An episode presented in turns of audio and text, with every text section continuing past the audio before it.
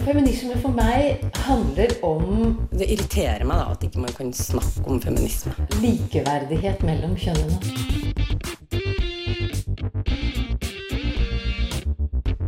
Det blikket på kvinnen på film. handlet det om å bli tatt på alvor som jente.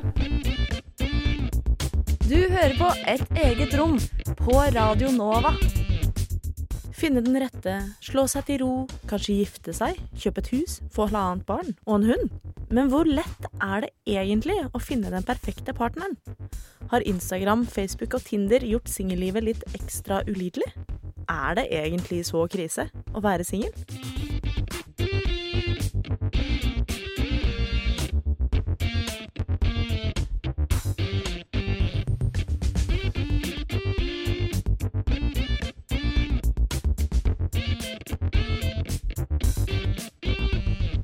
Du hører på et eget rom.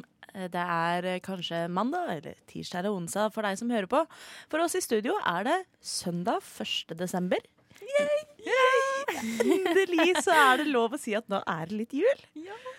Eh, mitt navn er Robin Frøyen. Jeg sitter her i studio med Anita Kristiansen og Linda Therese Rosenberg. Og uh, i dag skal vi snakke om parsamfunnet, tror jeg vi endte opp med å kalle det. Ja. Ja. Parsamfunnet. Så da har jeg litt lyst til å starte med å spørre dere hva deres forhold er til parsamfunnet. Eller kanskje om det er innafor å spørre om man f.eks. er singel eller i et forhold. Hvis vi starter med deg, Anita. Hva er ditt forhold til parsamfunnet?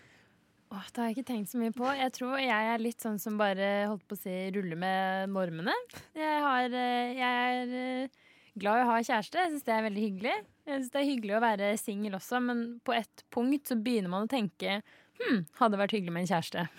Har du kjæreste, da? Jeg har kjæreste! Enn du da, Linda? Um, den motsatte enn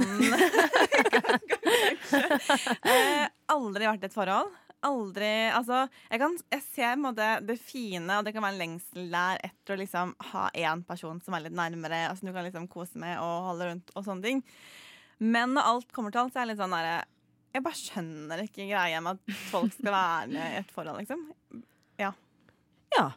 Så du, du er singel, eller? Ja, jeg er singel. Jeg har vært singel hele livet. og så tenkte jeg det er veldig fascinerende å se andre par, og hvordan liksom, ulike par er forskjellige fra andre par. Ja. Eh, men jeg har aldri opplevd å være i et forhold selv. Nei. Det tenker jeg at det kan vi jo snakke mer om. Jeg skal bare slenge meg på introduksjonsrunden. Uh, hei, jeg heter Robin og er singel. Hei, Robin. Uh, jeg er jo singel nå for første gang på ni år. Hvordan eh, føles det? Det føles veldig rart. Jeg eh, har vel kalt meg selv en seriemonogamist. sånn at jeg har vært i lange monogame forhold. eh, tre i alt, men da første forhold da jeg var 17, og så har jeg holdt på til nå, hvor jeg er 26. Ja. Så ni år uten å være singel. Og i løpet av den tida så har jo nå Tinder dukket opp, og det ene og det andre. Så jeg føler meg jo helt sånn Jeg føler meg veldig gammel og veldig forvirra på en og samme tid. Og så er det jo litt dette med at det er desember også, så jeg skal jo være i jula for første gang. Og da tror jeg det er nok noe med dette eh, Med hvilke forventninger som ligger rundt om man skal være flere eller alene i jula og sånn. Man ser jo ofte disse rørende reklamene på TV-en hvor du kan spandere en middag på noen, eller eh, disse annonsene på Finn som dukker opp rundt det juletider òg. er merkbart i julen. Altså det er litt sånn Mm. hun som nok en gang skal tilbringe hele julen med foreldrene sine. Fordi alle andre er liksom med sine familier eller sine samboere eller hva det nå måtte være. Ja, ikke sant? Ja, for eh, Men du som liksom For, for deg, Linda, det høres jo Å, du er eksotisk. eh, men, men du pleier jo å feire jul uten kjæreste, og det, jeg antar jo at det går jo helt fint. Man dør ikke av det. Det går helt fint. Mm. Det, men det blir veldig sånn familie. Men det, broren min har også alltid vært singel. Ja. Eh, han er sånn på alltid utkikk etter en dame. eh, og han blir aldri fornøyd. Um, eller ja, han ender aldri opp med å bli sammen med noen. Så, da er vi på en måte to, da. Ja. Med ulike uh, utsikter og mål, kanskje. Men da blir det jo litt lettere, da. For jeg kan se for meg sånn at hvis det er en periode man merker at man er singel, så er det kanskje ved juletider. Når man ser Love Actually og man ser liksom Å, hva skal man kjøpe til kjæresten? Og liksom eh, Spikersuppa, jul i vinterland, å, kjæresten var parisjul og dele et karamelleple, liksom. Så jeg tror kanskje man kjenner litt ekstra på det hvis man savner noen eller har lyst på en kjæreste, eller til og med kanskje ikke har tenkt over det i det hele tatt. At man merker sånn hm, rart. Ja. Kanskje det er sånn man skal ha det i jula. Du hører på Et eget rom på Radio Nova. Du hører på Et eget rom på Radio Nova. Vi sitter her i studio, jeg, Robin, med Anita og Linda, og vi snakker om parsamfunnet. Og vi skal snakke litt om det å være singel i et samfunn hvor man kanskje kan oppleve at det er litt mer lagt opp til at man skal være par. Først så går det an å nevne dette med at det er overraskende mange som er single i statistikken. Jeg tror ofte at man ser liksom på Facebook og Instagram og andre sosiale medier og TV og radio for så vidt, og får inntrykk av at åh, alle andre har kjæreste, og ikke jeg, og det er jo urettferdig, og hvorfor får ikke jeg bla, bla, bla.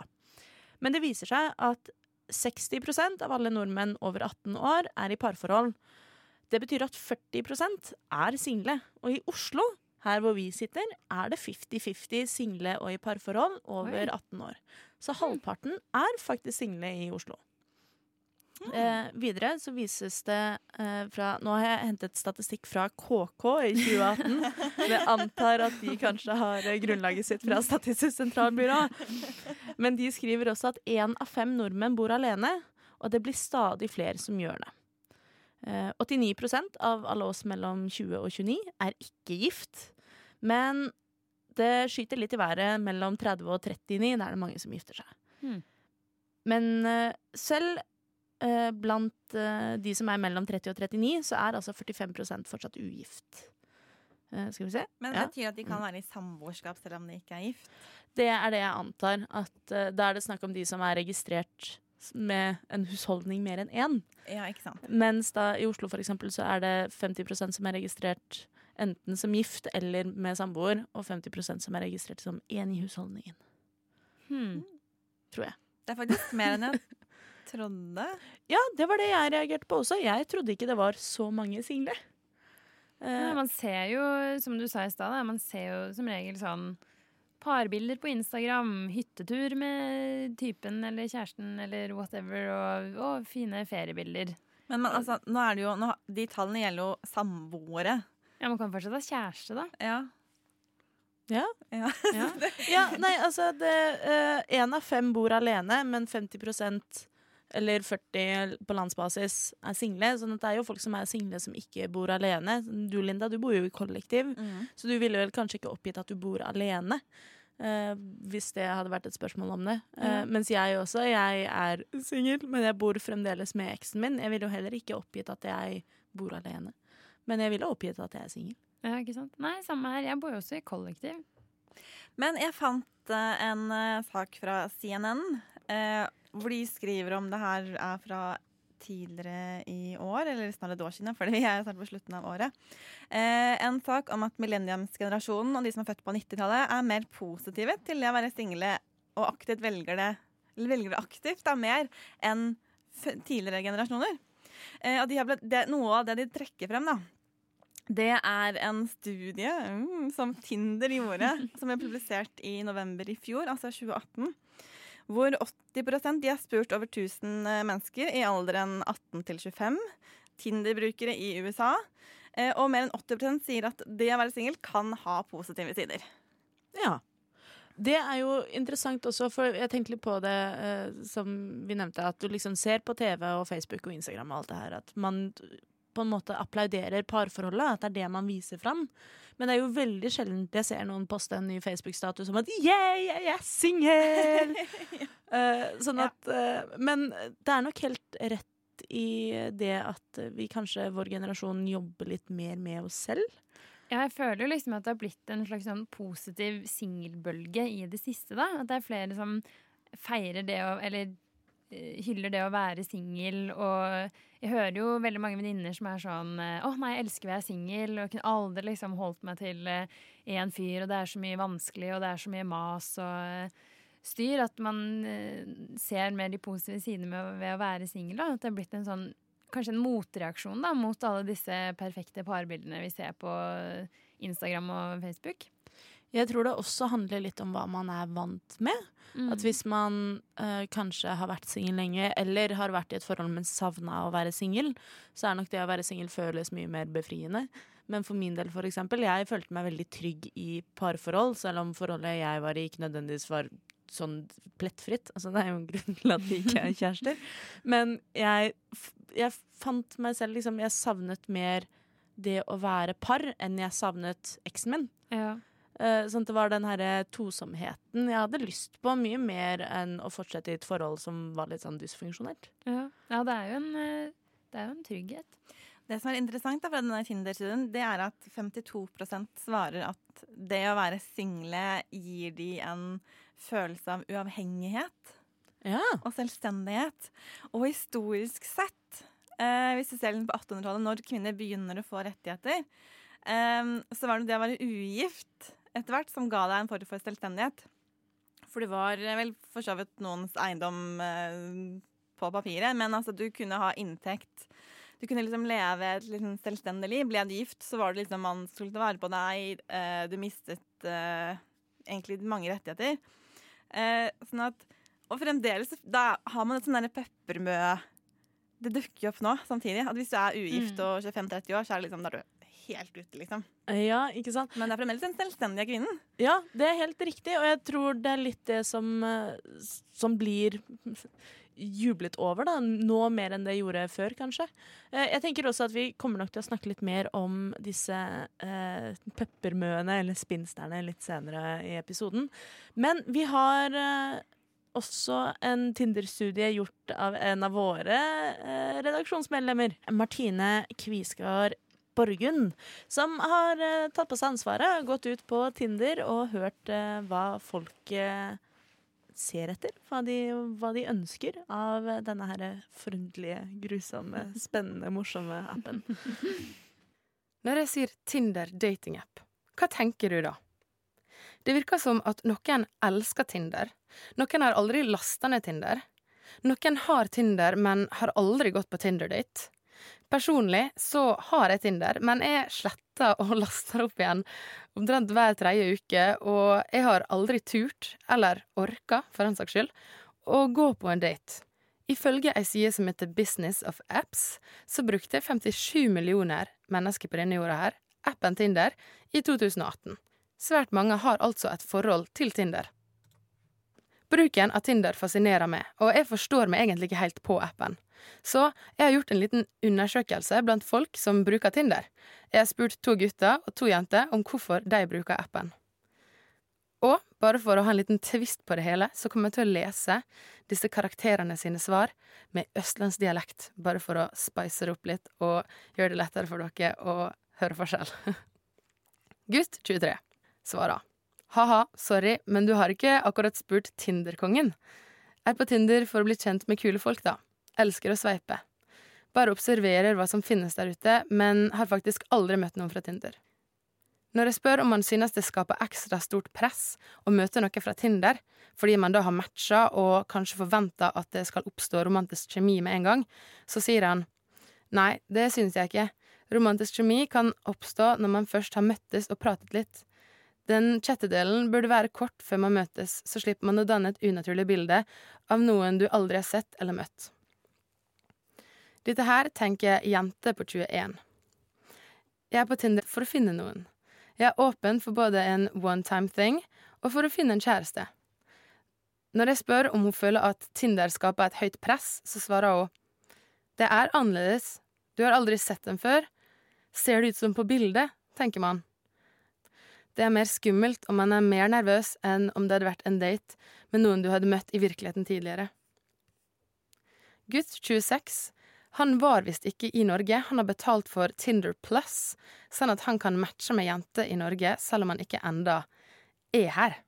Og han sa Jeg er egentlig ikke i Norge enda, Jeg skal snart reise til Europa, så jeg vil kjenne noen jenter i Oslo, sånn at vi kan henge når jeg kommer. Jeg vil altså date noen i Oslo når jeg kommer dit, og vil bli kjent med dem på forhånd. Jeg lurer på hvordan tidligere dater fra Tinder har vært, og han sier faktisk har jeg bare møtt én jente fra Tinder før, og hun så ikke ut som på bildene, ha-ha. Så jeg sluttet å bruke Tinder i en stund etter at det skjedde. Nå vil jeg møte noen i Oslo, og forhåpentligvis blir det ikke kleint. Angående Tinder-daten som ikke så ut på bilder, så fullførte han daten, og han prøvde å være høflig. Han sier jeg ville ikke såre henne eller få henne til å føle seg verre. Etter noen drinker sa jeg at jeg måtte gå. Hun ville begynne å hooke, og jeg måtte komme meg ut. Det var ukomfortabelt, men jeg var hyggelig mot henne. Og så er det siste jente på 20 år. Hun sier «Eh, det er tidsfordriv. Det er hyggelig å bli vist interesse for og få komplimenter. Det er spennende å møte folk, kanskje for et vennskap, kanskje for sex, kanskje for mer. Men hovedsakelig bruker jeg appen fordi jeg syns det er gøy. Så dere får unnskylde min østlandsdialekt, jeg håper dere syns det var greit.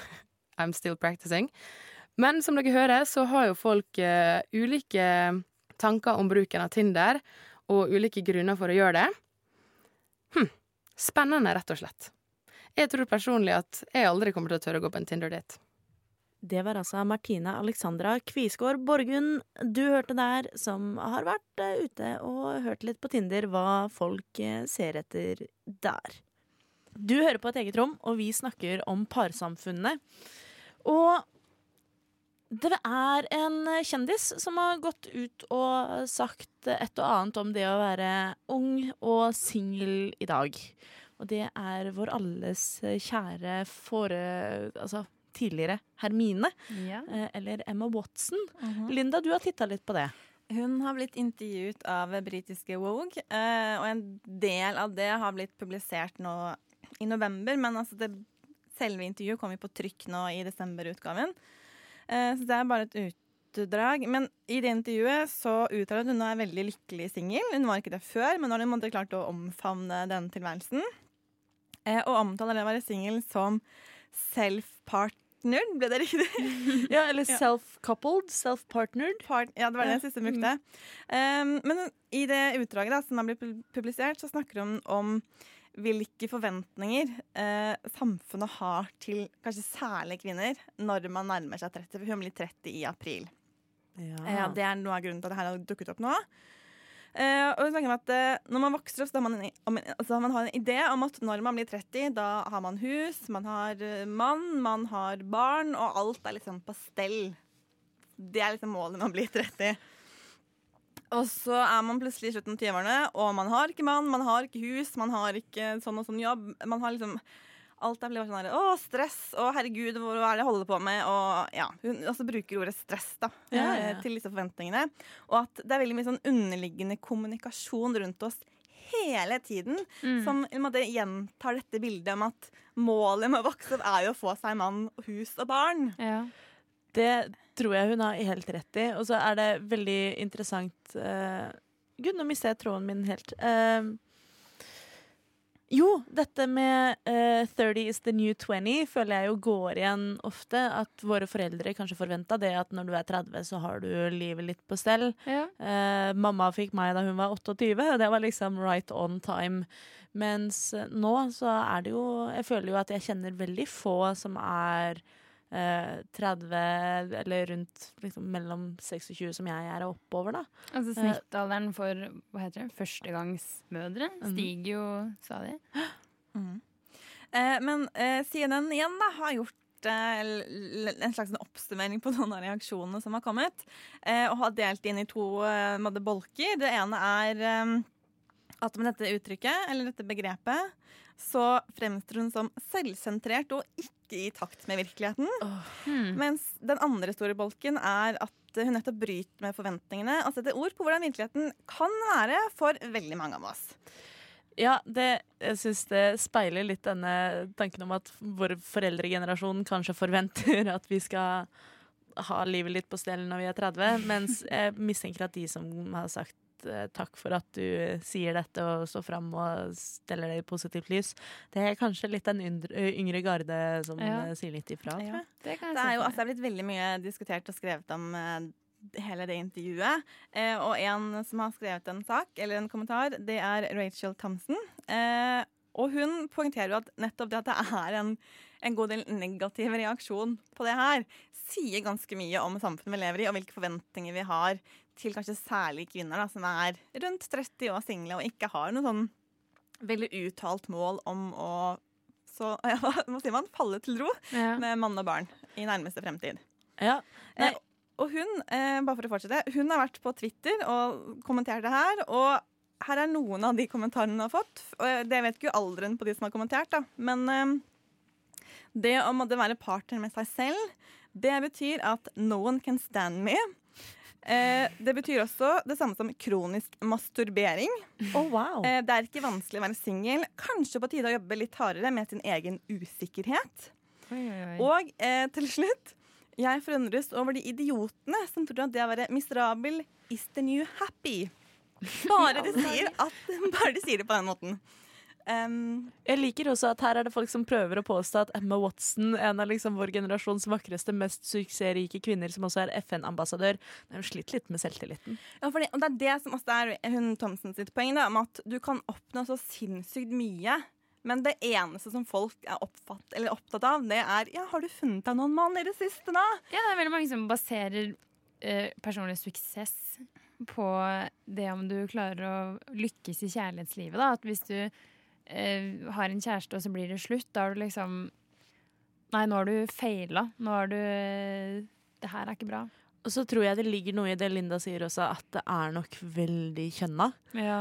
At det er i mye større grad om å gjøre for kvinnen å eh, på en måte finne sin verdi i et par og i en familiekontekst. Mm. Mens eh, for gutta så er det liksom Selvfølgelig, hvis man er voksen og har vært lenge i et forhold, så er det jo kjipt for hvem som helst å bli enslig. Klart. Men jeg har fortsatt inntrykk av at det er fortsatt litt Altså Er du 30 år og singel mann, så er ikke det verdens undergang. Da får du ikke en pepperkvern i bursdagsgave. Men snur du det på hodet, og så er det en kvinne, så kan det fort hende at det blir den herre Kanskje du skal ta deg sammen og sikkert- pynte deg litt, liksom. Ja, men det er sikkert mye å gjøre med Det er jo kjempeurettferdig. Det, det er sikkert mange som tenker at det er sånn fordi eh, kvinner har en kortere tidsfrist på å få barn på, f.eks. At det spiller en rolle. Men eh, det er jo ikke alle som vil ha barn heller, og det er jo ikke sånn at du tørker inn etter med en gang du er 30. Sånn. Nei, men da er håpet ute. Det her er på en måte et litt annen, altså en variant av eh, i jobbsammenheng. Er du kvinne og er litt sånn kjeft og bestemt, så er du bossy og du likes, eller man liker deg ikke. Men hvis det er en mann, så er det bare tydelig. Ja. Og det er litt sånn, er du 30 pluss og har kanskje fått en lederstilling og har stor suksess sånn, på alle andre måter, da er det sånn synd på deg. Men hvis du er mann, så er det bare sånn jøss, han er dritbra. Mm. Og jeg tenker Jennifer Aniston er jo kanskje et veldig godt bilde på det her, hvor medien egentlig har brukt tiår på å synes synd på henne. Ja. Fordi hun stadig går inn og ut av forhold. Hun har ikke barn. Og så bare, Hun er en av de mest suksessrike kvinnene i Hollywood, liksom. Ja. Nei, men det er noe med hvordan kvinners verdi kan måles i eh, ulik valuta, da, om man vil. Vi skal snakke mer om eh, det å være singel, og kanskje enda litt mer om det å være i par.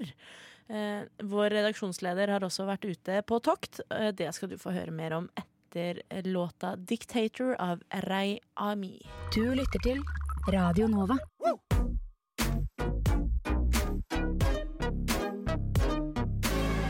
Radio Nova.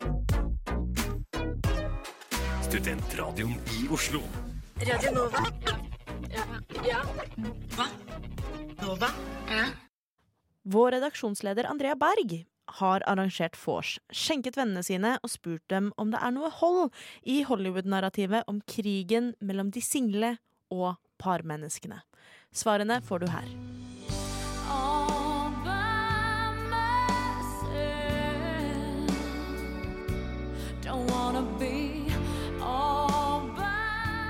A 34 year old guy with no money and no place to live because he's single, he's a catch. But a 34 year old woman with a job and a great home because she's single is considered tragic.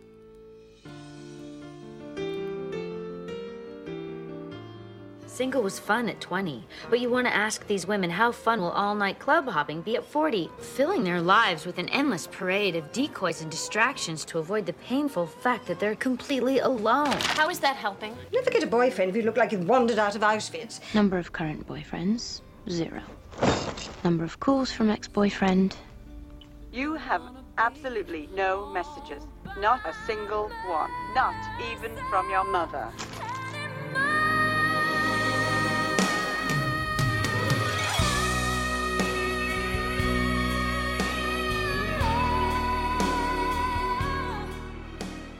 Du er helt sikkert kjent med scenen.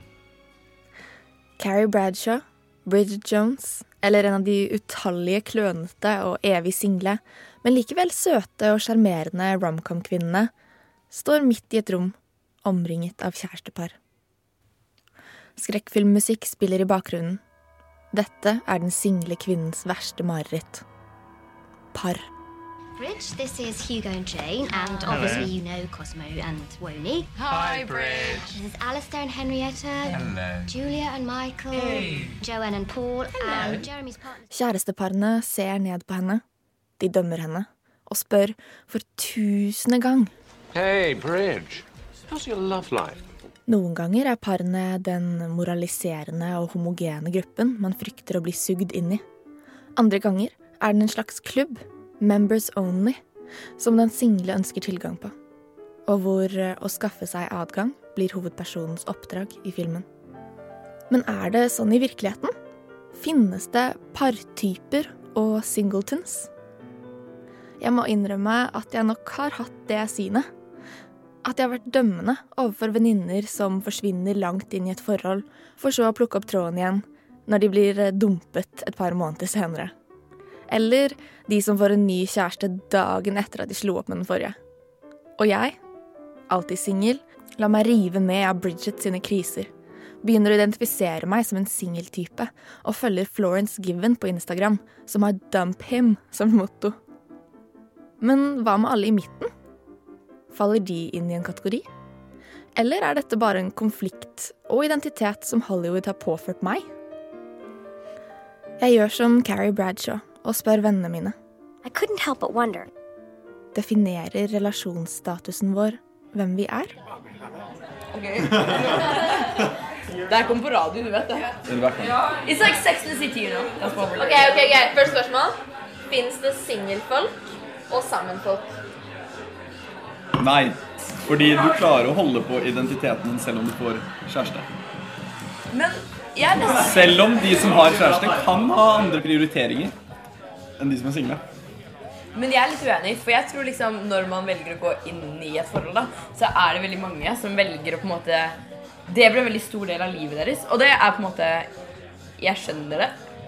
Men jeg er ikke enig i at det er riktig på en måte å leve på. Jeg tenker at du, du er jo ikke en singelperson eller en kjæresteperson opprinnelig, liksom. eh, samfunnet forteller deg at det som er målet med livet, er å finne hvert Spesielt for kvinner, da, kanskje. At det man skal finne i løpet av livet, er å finne en mann. Og da tror jeg på en måte det, hvis man er en, en singel kvinne da som er på et fest hvor det er veldig veldig, veldig, veldig mange par, så føler man kanskje at jo, man blir dømt til en viss grad. Liksom, Det er jo noe underliggende der, hvor det er noe man skal oppnå, og noen har klart å oppnå det, og noen ikke det. Men hva, hva er målet til oss mennesker, da? Det er jo å reprodusere oss selv. Oi! Oi! Er det målet ditt i livet? Men sånn, hvis man setter opp single versus de som er i par, og så sier at de som er single er på jakt, så sier man jo på en måte by default at de som er på jakt, er de som er de som ser etter en kjæreste. Man kan jo være på jakt på andre måter. For det første. Men hvis du ikke har lyst på kjæreste, så trenger du ikke få deg kjæreste. Nei, men, ja, men legit, hvis, hvis du har lyst på kjæreste, så kan du få deg kjæreste. Det klarer du. Du må bare senke lista helt til du får deg kjæreste. Og hvis det, hvis det liksom presset fra samfunnet er så stort på å ha, kjæreste, så ville jo alle hatt kjæreste. Men hvorfor er det noen som bestandig har kjæreste, som er bare seriemonogam, og som bare kommer i et nytt forhold hele tida? Akkurat det tenker jeg har med gener men jeg tror det også har med miljøet. Hvis man først har vært i et forhold lenge, f.eks. Man har vært, la oss si man startet på ungdomsskolen, da. man hadde ungdomsskolekjæreste, var aldri alene, kom til videregående, fikk seg ny kjæreste, ikke sant? og så har man hatt langvarige forhold opp igjennom hele veien. Så plutselig er man singel. Da er man jo veldig da er det veldig uvant liksom, for den personen å ja, skulle gå hjem, legge seg alene. ikke sant? Så det, det baller jo bare på seg, da, tenker jeg. Hvordan er det for single og folk som er i par, å henge sammen? Har det noe som helst å si? Nei. Jo. Nei. Det har jo ikke det. Og third wheel er jo det verste som fins. Når vi ferie i Hellas. Hvis du kjenner begge Når to, X og Y skal gå fuck og fucke off, liksom. Det er jo litt irriterende. Jeg tenker at det her er egentlig et ikke-problem. Det er et problem som single mennesker lager. Og jeg vil selv altså, for, vi må få inn et mer nyansert bilde her, tenker jeg. da. Det handler ikke om strukturer og bla, bla, det her. Jeg tenker at det handler mer om alle er forskjellige her, og noen koser seg med å tørrvile, noen koser seg med å ha kjæreste, noen koser seg jævlig med å være single. Hvorfor blir du så flau nå? Jo, men det er jo sånn Hvor ofte Ok, helt ærlig. Ok, Nå spør jeg alle som sitter i denne sirkelen. Hvor ofte har ikke dere gått, dratt hjem på ferie og blitt spurt sånn ah, 'Hvordan er kjærlighetslivet?' Sånn, Jeg blir spurt det før jeg blir spurt 'Hvordan går det med studiene?' 'Hvordan gikk eksamen?' Som ofte så er det litt sånn, det er mye mer fokus på hvordan det går. Eller sånn 'Er du ensom?' Så er jeg sånn «Mm, Nei, det går fint. Takk som spør. Men sånn Eksamen gikk fantastisk. Nei, nå kommer den andre. Tredje og siste spørsmål, er du klar? Ja, ja, ja. Jeg ble født for det spørsmålet her. Hva er best av å være sammen med noen og å være singel? Akkurat nå elsker jeg å være singel. Kommer an på hvor du er i livet og hva du vil. Jeg tror jeg er mer fornøyd med meg selv når jeg er singel. Det betyr ikke at man aldri skal være der, men akkurat nå så er man ung, dum, har lyst til å leve livet, og da er det godt å være singel. Det er ikke noe som er bedre enn det andre. Det er jo, kommer jo an på personen. Hvorfor er du i et par, da? Jeg er ikke i et par. Hvorfor er du i et par ish? Jeg, det verste er at jeg er jævlig klein for at du sier at jeg er i et par. Hvordan, hvordan, er det, hvordan er det for deg å bli identifisert som en av parpersonene? Du, det gjør egentlig ganske vondt. Sånn egentlig. Ganske vondt. um, jeg ønsker ikke at folk først og fremst skal definere meg ut fra om jeg er i et forhold eller ikke. Jeg er min egen person. Det er kanskje ikke så lett å være noe annet enn en uh, singeltype på vors hos meg. Det er kanskje litt for mange småbitre singletons til stede. Men selv de av mine single venner som setter mest stolthet i sin singelskap, ser for seg at de kommer til å få seg en kjæreste en gang. Akkurat som Bridget. Og statistisk sett så kommer de jo til det. Ifølge SSB er bare 18% av befolkningen aleneboende. Altså under en femtedel av oss. Men vi vakler. Vi skiller oss oftere. Bare rundt 60% av ekteskapene varer, og andelen aleneboere øker. I sin rapport 'Dette er Norge' i 2017 slo SSB fast at kjernefamiliens storhetstid er over, ettersom andelen aleneboende hadde doblet seg siden etterkrigstiden.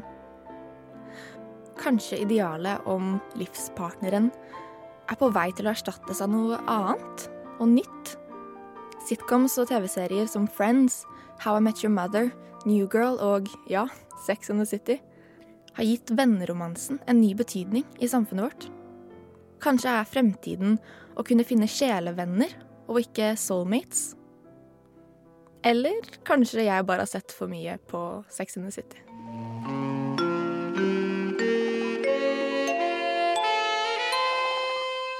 Det var eh, vår redaksjonsleder Andrea Berg som har vært ute på tokt. Hørt med sine venner på fest om, eh, om det finnes parmennesker, om det finnes singelmennesker, om det er konflikt mellom de single og de eh, usingle. Etablerte, holdt jeg på å si, men det er kanskje ikke helt eh, Kanskje det er motsatt av det vi er ute etter i dag.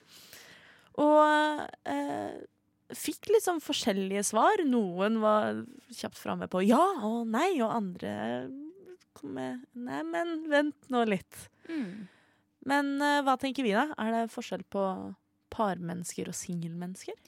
Jeg tror det er veldig mange forskjellige ting som spiller inn. Jeg tror ikke det er så svart-hvitt at noen er den typen og noen er den typen. Eh, det kan ha mye å gjøre med selvtillit, og man liker å være to, hva man er vant med. Hvis jeg kan ta meg selv som et eksempel, så har jo Jeg var jo lenge i et forhold, og så ble det slutt. Og jeg syns egentlig det var kjempedeilig å bli singel, og koste meg og tenkte at sånn skal jeg ha det. Veldig deilig. Og følte meg som eller jeg fikk en liten sånn oppvåkning. Sånn hm, kanskje jeg er et singelmenneske? Jeg har vært i et forhold så lenge, men kanskje jeg egentlig er et singelmenneske? Og så møtte jeg jo han jeg er sammen med nå, og jeg er jo, det har jo mye med personlighet å gjøre òg. For jeg er veldig sånn, når jeg liker noen, så er jeg ganske intens i følelsene mine. Går all in, hopper eh, ut i det med hodet først uten å tenke over det.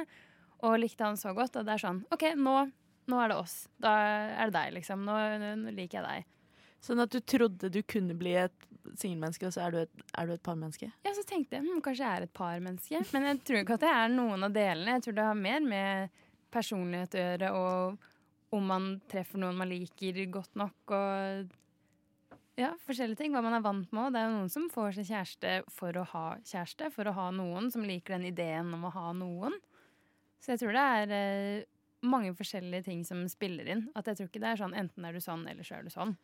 Det er jo litt sånn typisk sånn lærerspørsmål, føler jeg. At man kommer med en påstand og spør om den er riktig, og så er svaret er jo alltid at det er mer sammensatt enn det. Ja. At man må se på de ulike faktorene som spiller inn.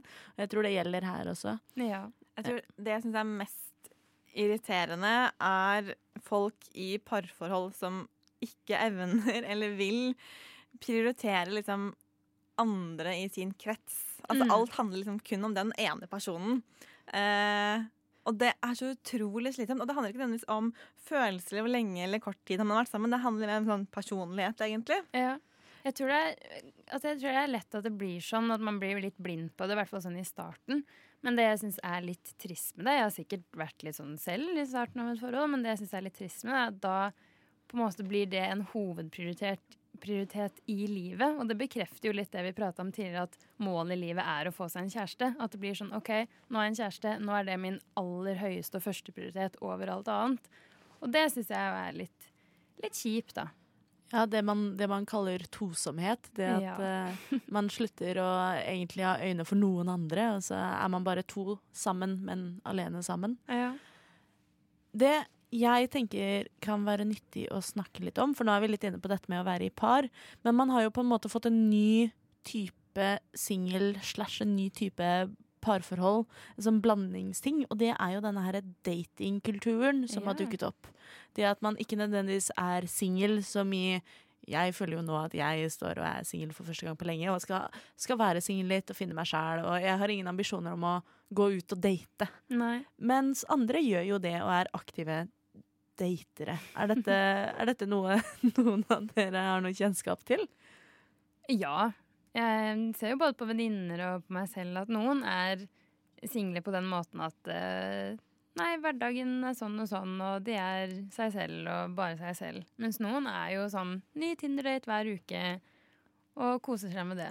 Ja, for det er det jeg tenker på, er jo det her Tinder-inntoget. Mm. Og så er det jo interessant dette med Tinder, for jeg føler at før i tida Nå føler jeg meg veldig sånn gammel ovenfra da jeg var ung! Men at det kanskje før var mer kultur for å Man gjør det jo selvsagt fremdeles, men uten Tinder så var det større kultur for å finne noen på studiet, finne en venn av felles venner. At man møtes på fest og blir kjent fordi man prater sammen og ler av de samme vitsene. Eller at man har en fritidsaktivitet hvor man møter noen som man kunne tenke seg å møte flere ganger. Ja. Mens nå er det jo så innmari mye som går på trynefaktor, for du kan sveipe til høyre og venstre. Det er veldig lettvint. Det er lettvint, og så tror jeg du har mye større risiko for å kanskje møte noen du ikke har noe til felles med. Og så tror jeg det er jo mindre sjanse eh, for å miste ansikt også. Fordi jeg syns det hadde vært mye flauere å eh, invitere noen på en date, og så hadde de vært litt sånn eh, nei takk. Men på Tinder er det litt sånn Man chatter. Det blir jo mer avstand. Det blir litt mer kynisk. Det blir jo mer som et spill, på en Ja. måte. På, på godt og vondt. Da. Jeg tror man senker noen barrierer for noen som syns det er vanskelig å finne nye, men samtidig så Ja, alt går litt sånn på trynefaktor. Ja. Eh, hvor høy man er. Um, Men samtidig, en ting du, ja. som jeg syns er veldig positivt med Tinder, som jeg har tenkt mye på, er jo det at du møter jo mennesker du kanskje aldri ville møtt ellers. Fordi jeg er jo i den samme gjengen som jeg alltid har vært. Jeg er på det samme studiet, jobber på det samme stedet, er i de samme foreningene og møter de samme menneskene. Og så kan man jo møte en som går på en helt annen skole, har liksom helt andre steder å henge. Og et menneske du kanskje ikke ville møtt ellers fordi man er ikke på de samme utestedene, man er ikke på samme studie. Så det er jo Altså, verden blir jo større, på en måte. At du møter mennesker du ikke hadde møtt ellers, og som du faller for og kan ha det kjempefint med. Ja, jeg tror du har helt rett i det. Jeg tror det er litt sånn et toegget sverd, som det heter. At på den ene siden så kan du få masse fisk som ikke smaker noe godt, og på den andre siden så kan du få en fisk du aldri har smakt før. Ja. Det- Å, det var fint bilde.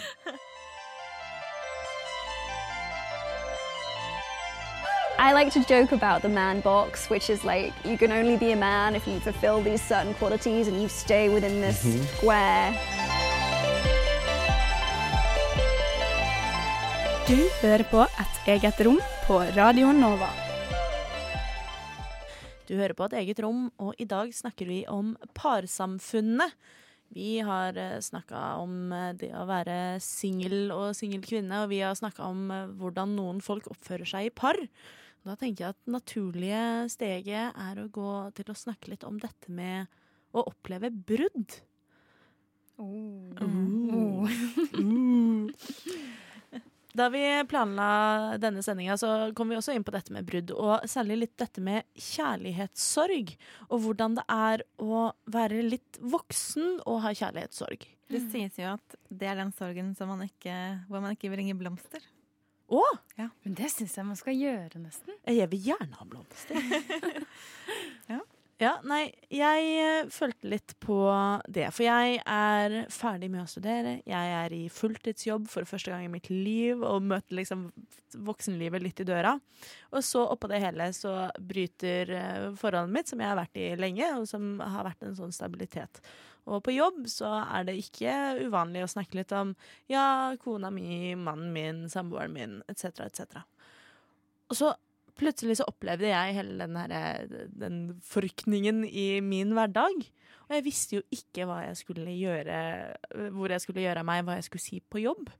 For her sitter man med en kjempestor følelse eh, av at livet ditt er på en måte du, du opplever noe som bare er en kjempeforandring, som i seg selv er vanskelig, og så blir man i tillegg ganske trist. Mm. Men jeg følte på det at det kunne jeg, ikke, jeg kunne ikke si på jobb at kjæresten min og jeg har slått opp. Ikke fordi jeg ikke ville ta oppmerksomheten, eller fordi det kom til å bli kleint, men jeg følte meg litt barnslig. At det å slå opp kanskje er litt barnslig. Hvorfor tror du du føler det? Nei, jeg vet ikke. Det... I desember 2017 så skrev Sanna Saroma en kronikk i VG. Hun er sånn forfatter, kommentator, eh, alt mulig rart dame. Eh, om dette med å Altså sorgen over å miste måte, ektefelle og egentlig familien sin når man skilles. At det er en sånn der personlighetskrise, på en måte. Eh, jeg kan jo lese et utdrag kort. Eh, for hun innleder med at hun har snakket med en venninne om det her, som også opplevde det samme. Vi, venninnen min og jeg, snakket om hvor mye enklere og mer nobelt no, Nobelt, heter det det? Det hadde vært å ha blitt enker. Sorgen vår og sorgen til barna våre hadde vært mye mer synlig, konkret og håndterlig, og sosialt akseptert. Nå er, nå er den, altså sorgen, nesten skamfull og tabubelagt. Ja. Ja. Det merker jeg at det kan jeg kjenne meg litt igjen i. Ja. Ja, for jeg tror mye av grunnen til at man kanskje tenker at det er litt flaut eller at det er litt barnslig, er jo nettopp fordi det strider imot det store målet i livet. livet det som avgjør om du har eh, oppnådd målet eller ikke. Jeg tror også jeg følte litt på det at siden vi ikke var gift, men bare samboere, at det ligger litt Altså at det kunne på en måte vært greit hvis jeg kunne sagt at nei, nå går jeg gjennom en skilsmisse. at det, det er noe folk har et kjennskap til, i hvert fall når man skal være i et voksenmiljø. Da, at nei, vi er separert, vi går gjennom en skilsmisse. Men vi har jo ikke det, vi har jo slått opp. Og det føler jeg er en sånn barnslig greie, at når jeg er 26 og nå er jeg voksen og i jobb og gjør det, gjør det, så skal man ikke slå opp. Men man må jo det hvis det ikke funker. Men altså, det er jo noe utrolig Det er jo en personlig krise. Eh, og det er jo det er forsket på det her. Sosiologene Sven Åge Dahl og Tore Hansen og Bo Og det er tre. Bo Vigesnes. De har forsket på eh, sammenhengen mellom samlivsbrudd og sykefravær. Ja. Eh, det her var i 2014. Og kort oppsummert så har de funnet ut at eh, når et samlivsbrudd skjer, så har eh, disse menneskene høyere sykefravær både like før, under og opptil seks år etter bruddet. Seks år? Enn de som ikke altså single, eller de som er i godt eh, fungerende forhold. da. Det er jo det veldig interessant. Det sier veldig mye om hvor mye, de på, altså hvor mye vi påvirkes av å gå gjennom et brudd, selv om man gåsehudene bare var samboere. Ja. Men jeg tror nok det ligger noe i det at en såpass nær mellommenneskelig relasjon vil alltid Altså Man føler, man føler seg jo ofte nærmere en samboer enn man kanskje gjør foreldre man ikke snakker med så ofte, eller et søsken som er i utlandet, eller hva nå enn. Eh, Men er det mor eller bestemor som går bort, så får du jo gjerne lov til å dra fra jobb, på en måte. Ja, så kan du gråte litt, og så kommer folk og gir deg en klem, og så får du blomster, og det er veldig sånn der, å stakkars deg. Men denne samtidig sorgen. så har jo de fleste vært gjennom et brudd. Og jeg har jo også vært gjennom et brudd, og etter det så har jeg tenkt at er det en ting jeg alltid skal respektere, så er det at noen går gjennom et brudd. Da skal man ikke synes det er rart man vil gråte på jobb tre måneder i ettertid. Altså, det skal være rom for det, for det er jo, det oppleves som et traume. Du mister jo eh, en som kanskje har vært den aller nærmeste, eh, og kanskje man mister en familie i tillegg. Kanskje man mister noen venner. Og hverdagen blir helt annerledes. Det er jo en helt enorm omveltning. Og samtidig så føler jeg at man får litt Når man blir litt voksen og er liksom 25 pluss, at du får Ja, OK, du får en liten sørgeperiode. Man skjønner at det er leit, og at du gikk ut av et forhold, og det er trist. Men du har jo dårlig tid. Du må jo, nå må du jo bare få fart på deg og bygge opp et nytt forhold og altså Og så kan jeg se for meg det er litt forskjell eh, sånn, med tanke på alder. At hvis det er sånn 14-15-16, så er det, da er det søtt.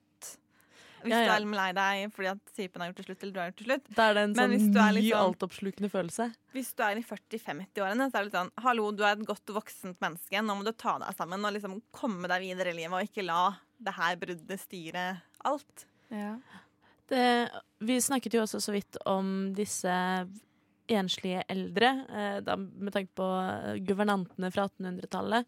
Men det er jo litt snakk om hvordan det er å være eldre og enslig nå. Og særlig hvis man er komfortabel med å være enslig, men fremdeles f.eks. er seksuelt aktiv. Uh. Eh, da jeg drev og jobbet med masteroppgaven min, så ramla jeg over en annen masteroppgave på Blindern. Nå husker jeg dessverre ikke hvem det er, eh, det er som har skrevet den, men som skrev uh, en litteraturoppgave om the queering of the spinster. Altså denne tanken om at det å være en spinster, eller en peppermø, eller hva man nå skal kalle det, er nesten så eh, et så stort sosialt avvik at det kan medregnes på lik linje med det å være skeiv. At du blir såpass uglesett og er såpass utenfor det normale at du oppleves som en sånn her seksuell minoritet, omtrent.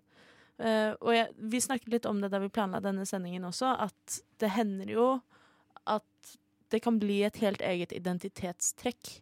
Det at du er over 40 og er enslig. I hvert fall hvis du er kvinne. Ja. At uh, Det var vel vår redaksjonsleder Andrea som snakket om noen familievenner hvor det ofte ble sagt i litt sånn setning nummer to at jo, så er hun enslig. Altså, vi har jo særlig to eh, ministre i den norske regjeringen som jeg tror har fått det her spørsmålet årlig i sikkert alle livet. Altså Trine Skei Grande og Siv Jensen. Mm. Og jeg tror de har opplevd den derre Å, stakkars, når skal du Når skal Siv Jensen få seg en mann, da? Hun er jo så opptatt med å være partileder og sitte i regjering og Det har jo til og med begynt å stille spørsmål ved legningene til, eh, Til legningen til damene. disse kvinnene. Ja. Fordi de ikke har kjæreste. Det er altså Ja. Nei, det er noe med det at eh, jo eldre du blir, om så du er 26 eller 46, så er det liksom I hvert fall hvis du er kvinne. Litt, litt sånn Men, men ja, fordi moren min har en venninne som Hun var i et forhold en stund, men sånn, i det store og hele så har hun i hele mitt liv vært en singel, barnløs dame. Eh, og selv om det aldri har vært sagt sånn åpentlyst at det er jo litt synd på henne, så er det liksom det er de signalene som jeg som barn plukket opp. At stakkars, hun, hun, hun har jo ikke noen familie. Men jeg tror aldri hun har syntes synd på seg selv. Altså, hun har det jo helt fint med, med sine venner, og sin, hun er tante til sånn 20 mennesker. Og altså, hun har det jo helt fint. Ja, livet går jo ikke under selv om man er aleine. Vi skal snart runde av episoden, vi. Før det skal vi høre en liten jingle. Du hører på Et eget rom.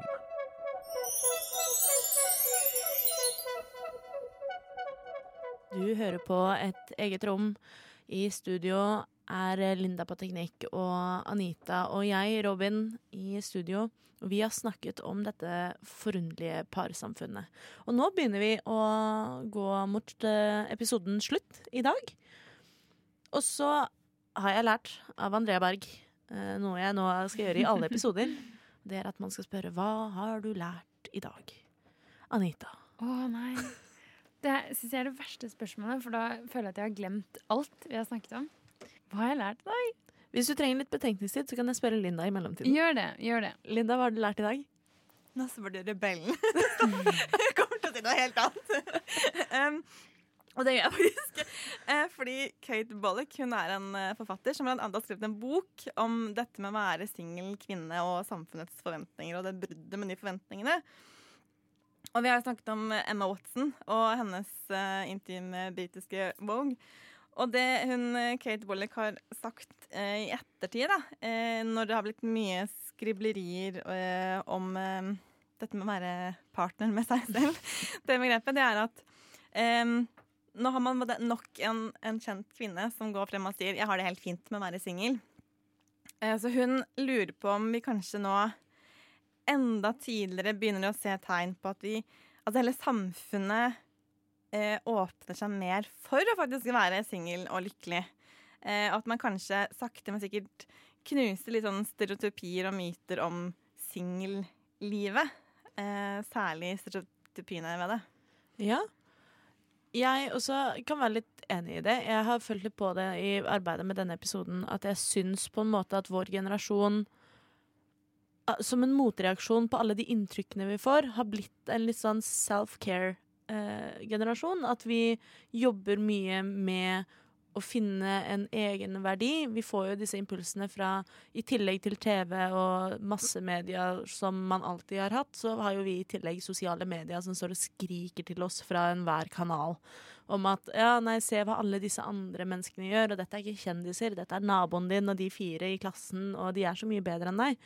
Sånn Men samtidig så er det forskjell på å være 20-25 og 30 og oppover. Det tror jeg stemmer. Eh, og jeg, nå, eh, jeg er jo fylt 30, og for en del år siden så var det litt sånn Åh, gud, det er så, det er så kresne, liksom. det, det er mange hyggelige folk der ute, kan du ikke bare plukke en? Kan ikke bare ta en? eh, til at familien ble sånn Eller storfamilien, da. Eh, har vært litt sånn føler jeg at de, på en måte har gitt meg opp litt. og det er først nå i det siste at folk har blitt sånn Å ja, men jeg har hun ikke lyst på noe, så får hun bare vente til hun har lyst på en kjæreste. Altså, det er litt sånn eh, Men det har vært en sånn gradvis eh, utvikling i måte synet på det at jeg er faktisk ikke interessert i å være sammen med noen. Men det tror jeg er interessant. Og jeg også har en kusine som er litt i samme situasjon. Hun har dog vært i ganske mange forhold og vært en sånn forholdssøkende person. Men som nå er eh, fylt 30, har gått eh, mange år nå uten noen kjæreste, har noen hunder og noen hester. og bare det virker som om hun har det så godt i sitt eget selskap og har jobbet mye med seg selv. Og det er litt det jeg håper å få til nå også, som singel for første gang på 48 milliarder år. At kanskje, kanskje jeg skal bruke denne tida til å bli litt kompis med meg selv. Deg noen hester og noen hunder og Ja, eller bare bli, bli self-partnered en liten stund. Ja, det høres ikke dumt ut, det. Jeg kom på hva jeg har lært. Hva har du lært? Jeg visste ikke at det var så likt med hvem som var single og i et forhold, sånn statistisk sett. Det visste jeg ikke. Det var det jeg også følte at jeg hadde lært. At jeg trodde og hadde liksom dette indre bildet av at det var mange flere i par enn det var single. helt enig. Kan jeg bare legge ting, eh, en ting til helt på slutten? ja? For det har vært også diskutert om trenger man nye og flere begreper til dette med å være singel. Min oppfattelse av det Emma Watson prøver å si da, med sin self-partner-begrep, det er at én ting er å være singel, men hvis du er måte, i partnerskap med deg selv, så oppleves det som et mer sånn aktivt valg. Er liksom, jeg har det fint, jeg velger å ha det fint. For du kan jo være singel og synes fryktelig synd på deg selv. Ja. Og da blir du ganske dritt. Jeg tror kanskje du har rett i det, at veldig ofte så tenker man at singel er synonymt med søkende. Og det er det jo ikke nødvendigvis. Nei. Det er helt sant. Til ettertanke. Til ettertanke. Og med det så må vi dessverre runde av og si takk for i dag. Takk for i dag. Takk for i dag. I studio har du hørt meg, Robin Frøyen, med mine makkere Anita Kristiansen og Linda Therese Rosenberg, som også har styrt teknikk. Vi har fått et innslag fra Andrea Berg og Martine Borgund. Og det var alt vi hadde for i dag. Med deg på veien ut får du låta I Don't Know What To Do With My Life, passende nok, fra Mandalay Lamas. Du hører på Et eget rom på Radio Nova. Rockin' around the Christmas tree at the Christmas party hop. Et eget rom gir deg ukens feministiske nyheter. Vi har valgt oss tre nyheter eller saker vi syns er litt ekstra viktige nettopp denne uken. Og vi starter med din sak, Linda Rosenberg. Yes. Eh, før jeg kommer til selve saken, så må jeg forklare litt eh, Vi må ha litt bakgrunnskunnskap om det her. Det handler nemlig om ektopisk svangerskap, som jeg forutsetter at ingen av dere har peiling på hva er. for Hva er det? Det er når et befruktet egg fester seg på en plass utenfor livmorhulen, altså graviditet Ah. utenfor livmoren. Au, au, au! Mhm. Slike svangerskap ender enten med at fosteret dør, eller at det blir en blødning der vevet Altså egget havner et sted, og så blir det en blødning der. Eh, og det begynner, begynner å lage en morkake. Og som oftest vil da egglederen revne. Så det er mye smerte knyttet til det her. Eh, og dersom fosteret ikke dør, så må det enten fjernes eh, kirurgisk, eller det er vanlig at man behandles med cellegift, og da vil også fosteret dø. Eh, eller så må man operere bort masse ting, og da vil man også, som oftest også ta bort eh, det som gjør at fosteret kan overleve. Kan jeg gjette at det kanskje er noen som mener at dette er forbudt nå, eller? Vi skal til Ohio. Nei, nei, nei. Eh, Delstatskongressen i Ohio har nå foreslått en ny abortlov som innebærer at leger skal reimplantere slike foster i livmoren. Eller så vil disse legene bli tiltalt for ulovlig abort. Det er jo helt hårreisende. Eh, problemet er at det finnes ikke slik medisinsk vitenskap i 2019. Eh, og i mai så uttalte da legen Daniel Grossman at dette er til et science fiction. Eh, og det er samme av flere andre leger og gynekologer forsøkt å forklare disse eh, republikanerne i Ohio. Men de ville ikke høre på dem. Um, Ohio har tidligere eh, forsøkt å stramme inn abortloven så mye som mulig eh, ved å gjøre abort Eller det kom et forslag tidligere om at abort etter uke seks skulle være ulovlig. Jeg tror ikke det har kommet så veldig mye langt til det, for det gikk til Høyesterett. Men de har ganske mange republikanske politikere som har et uttalt mål om at abort skal bli ulovlig. Det er jo grunnen til at de sender disse forslagene til Høyesterett om igjen om igjen. om igjen. At de vil eh, gjøre om eh, Eller de vil ha muligheten til å totalforby abort. Det er jo også helt hårreisende å høre at ikke bare vil de forby abort, og det, liksom, det kan være en kampsak i seg selv, men et befruktet egg som bare plasserer seg på feil sted og blir en sånn bare, Det blir bare feil, da. At Ja. selv det skal regnes som en ulovlig abort. Og det her er jo en tilstand som kan være livsfarlig for kvinnen og inne, kan innebære ganske mange eller mye smerter. Eh, men i selve lovforslaget da, så har de jo da selvfølgelig definert et befruktet egg som et ufødt barn. Er det bare én centimeter, så er det fremdeles et ufødt barn, og dreper du det, da bør du gå i fengsel. Har du en litt lystigere nyhetssak, Anita? Jeg har faktisk ikke det. Dessverre. Eh, jeg har en litt kort, men fortsatt ganske viktig feministisk nyhet denne uken her. Eh, for det er en kvinne i USA. Vi, skal, vi er fortsatt i USA. Og hun er tiltalt for å ha gått toppløs hjemme foran sine stebarn. Og det er da en dommer i Utah som må avgjøre om hun da brøt loven eh, ved å gå toppløs hjemme. Eh, Denne kvinnen heter Tilly Buchanan og er 28 år. Og i februar så ble hun tiltalt for tre tilfeller av forseelse for seksuell krenkelse over, overfor barn etter at hun skal ha da gått eh, toppløs foran sine stebarn. I sitt eget hjem. I sitt eget hjem. Hun eh, ryddet eh, i garasjen sin eh, toppløs sammen med mannen sin, som også tok av seg på overkroppen. Så de var Oi. Så de var begge uten noe på overkroppen. Eh, og da så eh, hennes stebarn på 9, 10 og 13 år dette.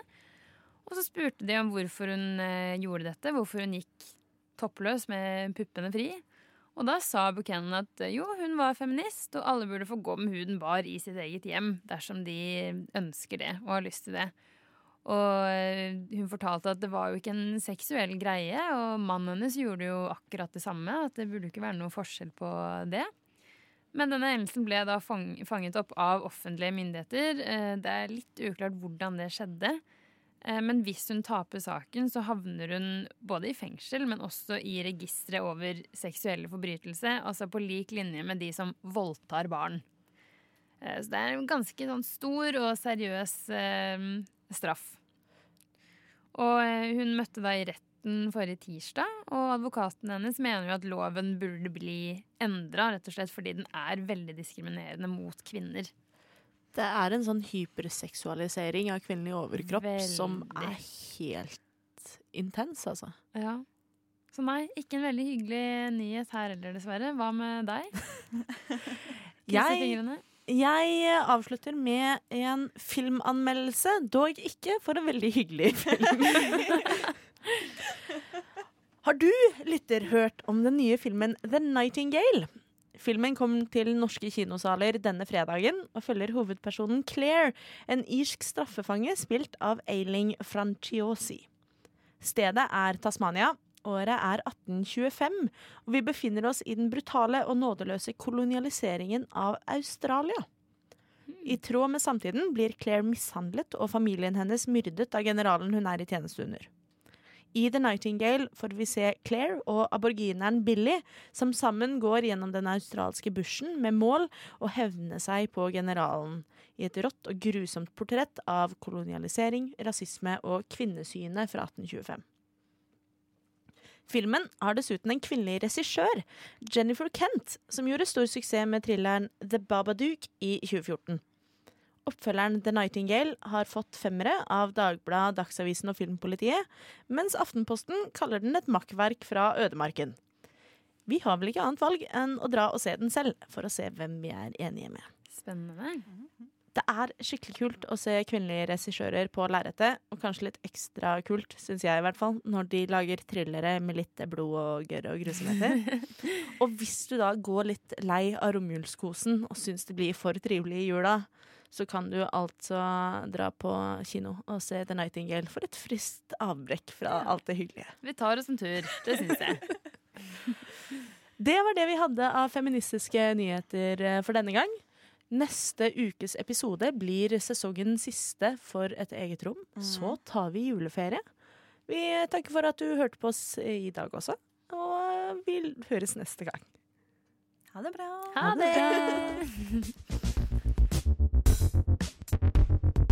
Du har hørt en podkast fra Et eget rom på Radio Nova. Vil du høre mer?